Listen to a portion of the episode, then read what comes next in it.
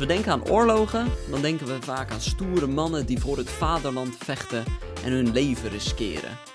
Maar hoe zit het eigenlijk met vrouwen? Leuk dat je luistert naar weer een nieuwe aflevering van Boekenrek, een HarperCollins podcast. Ik ben Sjors en in deze aflevering ga ik op zoek naar de heldhaftige vrouwen in onze geschiedenis. Dit doe ik samen met Kate Quinn, de auteur van de boeken De Jaagster en het Alice-netwerk. Zo bezocht ze al eerder de vrouwen van het Romeinse Rijk en de Renaissance in Italië. Maar voor haar meest recente boeken vertelt Kate Quinn de verhalen van vrouwen in de 20e eeuw. Vrouwen die in tijden van oorlog spionagenetwerken opzetten. En vrouwen die vanuit vliegtuigen bommen worpen op vijandelijke gebieden. Vrouwen die uitgroeiden tot de echte helden van onze geschiedenis. Glad to be joined on the Boekenrek podcast by the author of the historical novel The Huntress, Kate Quinn. Welcome. Thank you so much for having me. Thank you for joining us. How are you? Uh, not doing too bad, although, you know, we're in crazy days, so everything is relative. Yeah, where are you right now? I am uh, co- I am calling in from sunny San Diego. I will say the weather is beautiful here, and I hope you're having a lovely summer over on your side of the world. How have you been doing this this weird year so far? Well, uh, I feel very lucky, to be honest, because I work from home, and as someone who works from home, my daily schedule has actually changed very little. And my loved ones are fortunate enough, for the most part, to be either self employed like me or to be retired for the most part. So they are also able to stay home, stay safe. And, you know, I do think that's a great privilege that I've been able to have less worry about them because of it so I, I remind myself that I'm lucky and to take it a day at a time and to you know try to reach out to those who are having a bit more of a stressful time than I have if they're homeschooling kids or also juggling jobs and so forth that have recently switched over to Zoom. Now, has there been any changes in your daily life then? But you said you you used to work you used uh, to work from home, but are there any changes? I have become more of a night owl, or rather, uh, I am indulging my night owl preferences a bit more than I used to. Um, uh, during normal operation, I tended to try to, you know, keep a bit more daylight hours, but I'm afraid I have uh, slid a little bit more nocturnal since all of this began. And I am much more likely to uh, sleep a little late and then stay up quite late uh, on the other end. So who knows what it'll be like when we finally get back to some sort of semblance of normality. Yeah, but has, has that rhythm uh, been good for you?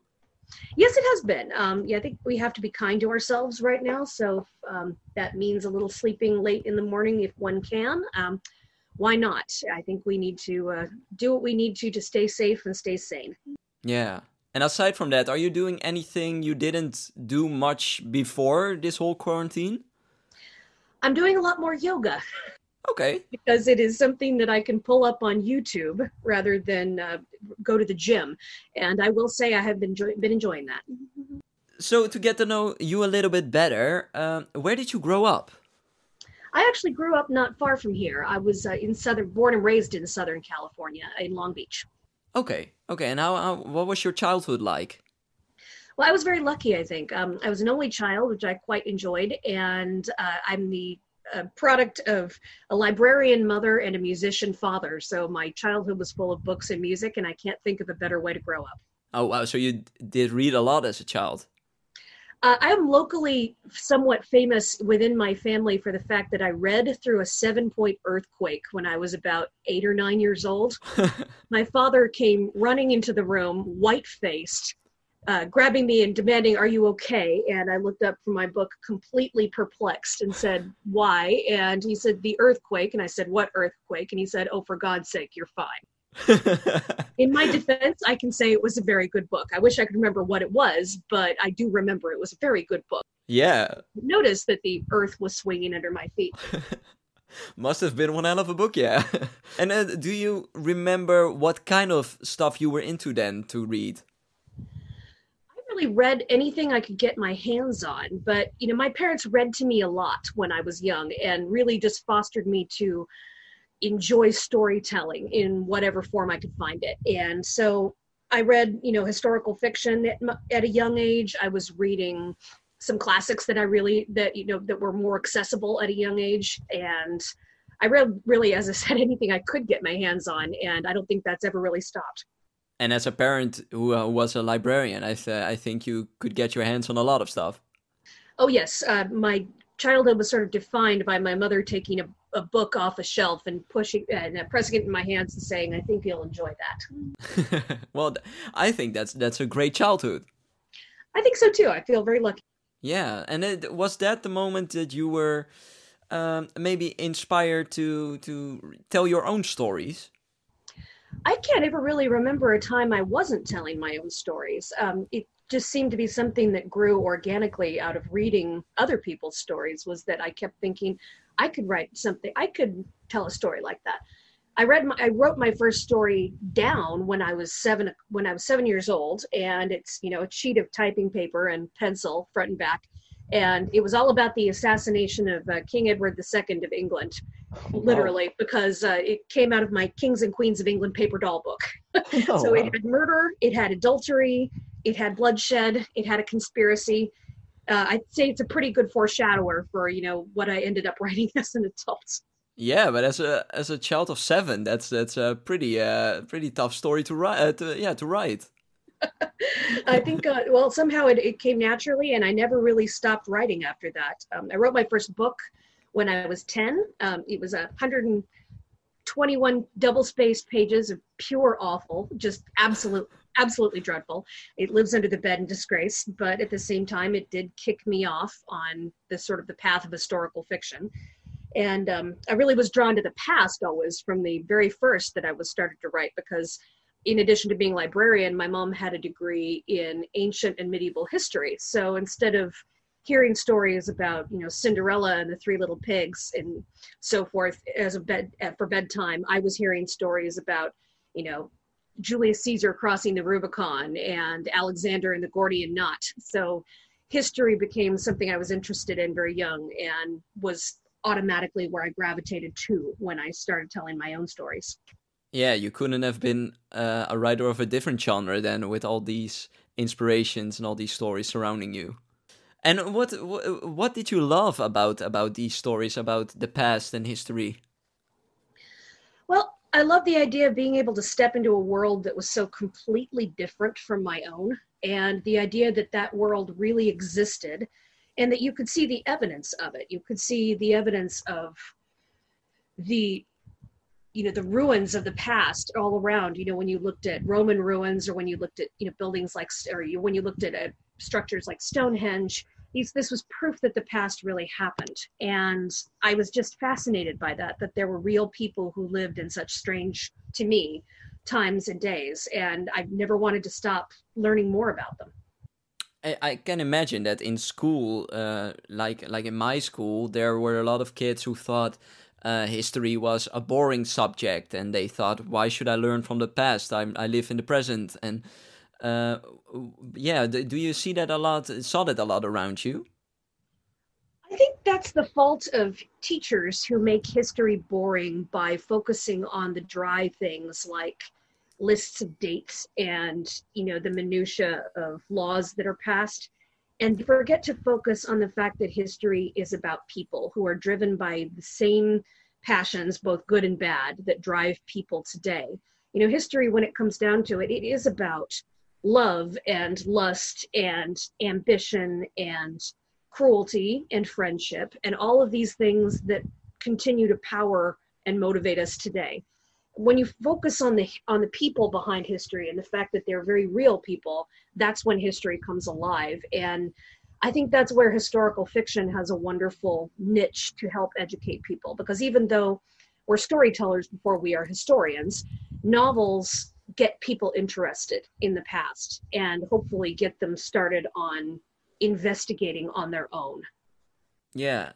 What about more about a historical era. And that's certainly what i do whenever i encounter a really great historical novel. I immediately go on a google hunt to figure out more about whatever i just read about. And you said you you started writing uh, when you were seven and you you wrote a book when you were 10 when when came the moment that you thought okay now i'm gonna write um, yeah historical fiction well, I kept writing books after I was 10. I don't think there was ever a period I didn't have one that was a project of some kind. and I wrote a lot of different things. You know, I wrote historical fiction. I wrote a really terrible sort of YA sci-fi novel. I wrote a whodunit, which was really just proved that I cannot plot whodunits. I wrote a sort of a you know a, rom- a sort of a romantic drama that wasn't too bad. But you know, I wrote I experimented with a lot of different things, but I kept returning to uh, historical fiction and stories in the past. And so that was sort of my period in which I was figuring out what it was I wanted to say and what was the genre in which I wanted to say it. And that's why, you know, even though I have probably a good 10 plus books under the bed that are never going to see the light of day, you know, none of them was a waste. You know, that was, you know, my education and trying to teach myself how to be a writer and get myself centered for what I wanted to write. And so, by the time I went away to university, I in Boston. That was the year, my freshman year, that I wrote the novel, which is maybe my 15th or 12th. Maybe no, I think it was about my 12th novel total. But that ended up being the first novel that you know some years later would eventually be picked up and published, and that was titled Mistress of Rome, about imperial Rome. Yeah, yeah. And was that also? Well, that was your first published book, but what was the first historical event that you decided to write about? Do you remember?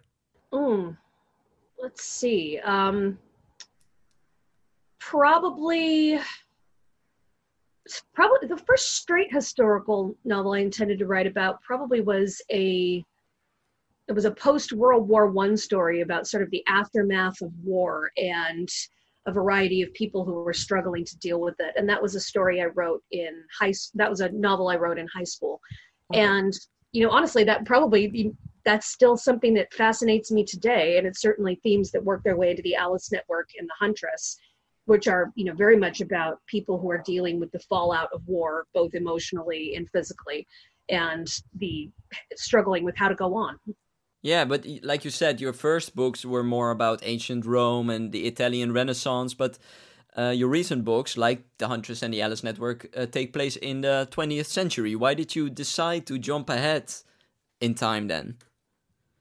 Well, for one thing, it's you after a while a writer might start feeling like a change. And the reason I originally went from ancient Rome to the Renaissance was because I felt like I might have to stab myself in the eye if I had to type the word T O G A one more time.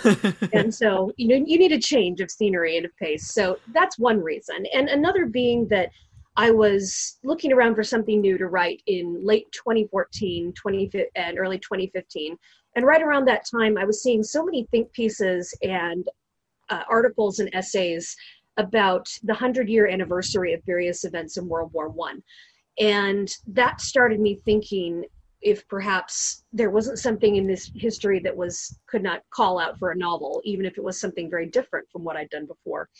And so doing some digging in World War One is in, in, in that history and in the women's service in that history. That was what eventually led to the Alice Network. And then somehow I ended up straying into some other fascinating bits of history, which led to the Huntress. And, you know, now here we are. Yeah, yeah, but like you said, you you um, your main characters in those books are uh, are female. I can imagine when people think about those wars, uh, they usually think about out, about the things the men did. So I, I can imagine you you've done a lot of research to find out what the women did during those times. Yeah, and I think that's one thing that we're starting to see a lot of in today's publishing world is a focus on women's contributions in history, which I think is great. You know, because so often women do have contributions to wartime in the past, especially because often women find opportunities as a sort of dreadful silver lining of war that they would not have in peacetime. You know, they have the opportunity for jobs that perhaps men would usually be doing, but now most men are off at the front, or they have the opportunity to serve in the way that perhaps they wouldn't have in less desperate times, the way that the Russian women took to the air and joined the Red Air Force to become, you know, bomber pilots and fighter pilots during the German invasion of Russia. So these are things that make for fascinating history, and they are things that I love finding because when you dig around the corners of history and the cracks, that's where you will find women like this who really have done amazing things and perhaps not have received the kind of credit that they really deserve for them. So if I can do my my part to help shine a little extra light on some of those names, then I, I'm really delighted to do so. And I think a lot of people think when they think about the war, they think about uh, the men enlist and re- literally go to war, and uh, the women stay home and wait for them and uh, care for the children. But they did a lot more. Yes, and that was that's the thing that continually delights me is when I go digging and I find out just how much more that they did. You know, there were the ladies who became spies, like the women of the Alice Network. Yeah. There were the ladies who flew planes, you know, like the women in The Huntress. And then there were the women who crack codes, which are the uh, heroines of the book I have coming up. Oh, really? Okay, we'll get back to that. uh, but how did you come across these these stories? Are there those uh, things you find on the internet, or do you talk with historians? How did you come across these these women? a lot of very wide reading, really. And it's the kind of thing where you cast a very wide net looking for information, and then it's amazing what hooks your attention. Um, I happened to come across the story of the Alice Network when I was reading a wonderful nonfiction novel called Women Heroes of World War One by Kathryn Atwood.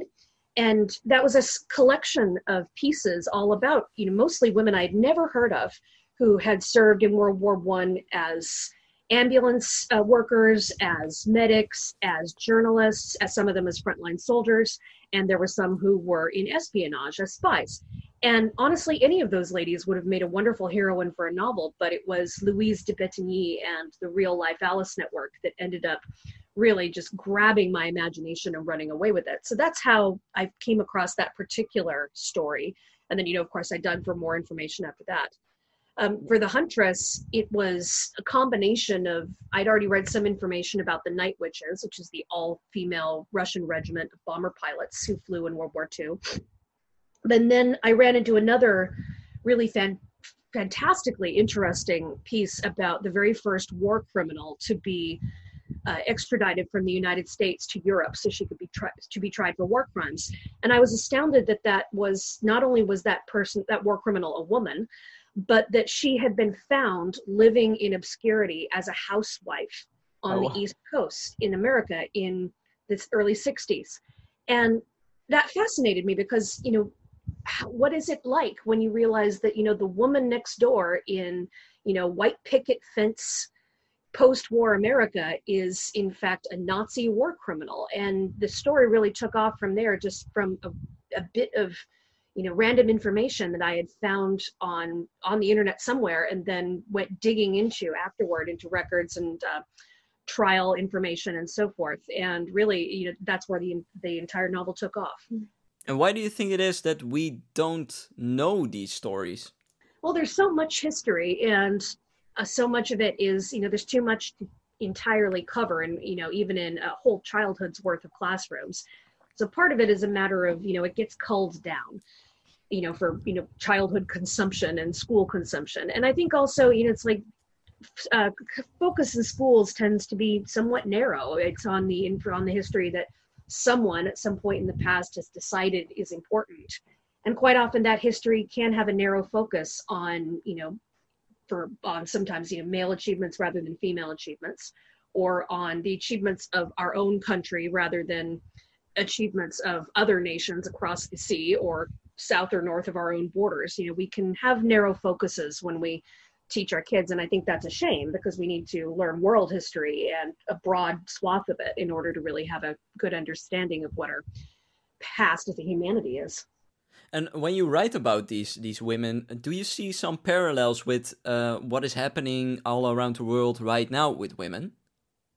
Oh, absolutely. I mean, I think the ladies of the past had many of the struggles that we still continue to have, you know, in the sense that they fight for acceptance, they fight for opportunities to serve and to shine, they fight for their own for their own benefit and also for their friends benefits and for their families and you know they battle with you know being dismissed because of their gender or being dismissed or pushed aside in favor of others who are deemed more worthy because either they're men or because they're white if the women are women of color.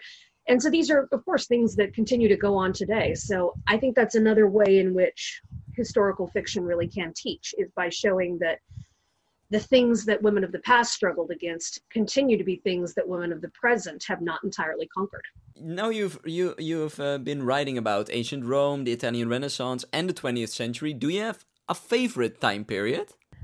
Oh, that's a good question. Um, I really don't. You know, it's I love I I I have loved writing about all those periods, and they've all given me different challenges and different delights in the researching and in the writing. Um, I would love to go back to some of those periods uh, if I can. You know, perhaps in the future, we'll see. And then I, there are other historical periods I've yet to explore, which I'd like to go on to. So I really do like to go from era to era, and I think that there's a lot of grist in the past. Yeah, it's it's a long history, so you have uh, a lot of a lot of time to write about. Uh, you said you were uh, writing. Is that something during these these weird times you have been doing a lot? Well, I've just been when all of this, you know, began and the uh, world shut down. I was in the editing process of uh, final polishing on my current novel that is going to be coming out next March, and so I had to finish those edits up and get those done and turned in, and that's what I have been working on for the most part this spring. I will say it was a bit tough. Um, I am not the only person to uh, be experiencing the feeling of a very fractured attention span uh, during these days. So I will say the editing was sometimes a bit uh, difficult along those lines, but I really did feel rather grateful that I was not drafting from scratch, which I knew several friends and colleagues who were in that position, and that was tough for them. So I was glad that at least I was in the editing process because I think I would have had a more difficult time focusing if I had been faced with the terror of the blank page and the blinking cursor rather than a first draft that simply needed to be polished up and made better. And um, so, but I so I did manage to get that done, and I did manage to meet my deadline. Thank goodness. Oh, great! And uh, can you tell us a little bit about the new book? Uh, the new book is titled The Rose Code, and it is going to be out in March of 2021. And it is about the female code breakers of Bletchley Park in England during World War II uh, Bletchley Park being the country, countryside manor off in the middle of nowhere, where the best and brightest minds in Britain were secluded during the war to work on cracking the supposedly unbreakable German military codes. And they were so spectacularly successful, it is estimated that they shortened the war by two years at least. Okay, well, it sounds very interesting, but we have to wait till next year then. Uh, Yeah, no, that's okay. In the meantime, we can still enjoy the Alice Network and the Huntress. Um, Kate Quinn, I really want to thank you for your time uh, today for talking to me in this podcast. No, absolutely. It's my pleasure. En zo zie je dat niet alleen mannen vechten voor hun vaderland. Wil je nou meer weten over deze heldhaftige vrouwen uit onze geschiedenis? De boeken Het Alice-netwerk en De Jaagster zijn verkrijgbaar in alle on- en offline boekhandels of kijk even op harpercollins.nl. En dat was het weer voor deze aflevering van de Boekenrek podcast. Voor meer gesprekken vind je ons op Apple Podcast, Spotify of alle andere podcast apps. Als je daarna ook meteen even een 5 sterren review voor ons achterlaat, kunnen nog meer mensen genieten van gesprekken met hun favoriete auteurs. Voor nu wens ik je nog een fijne dag, blijf gezond en blijf vooral lekker lezen. Tot de volgende keer.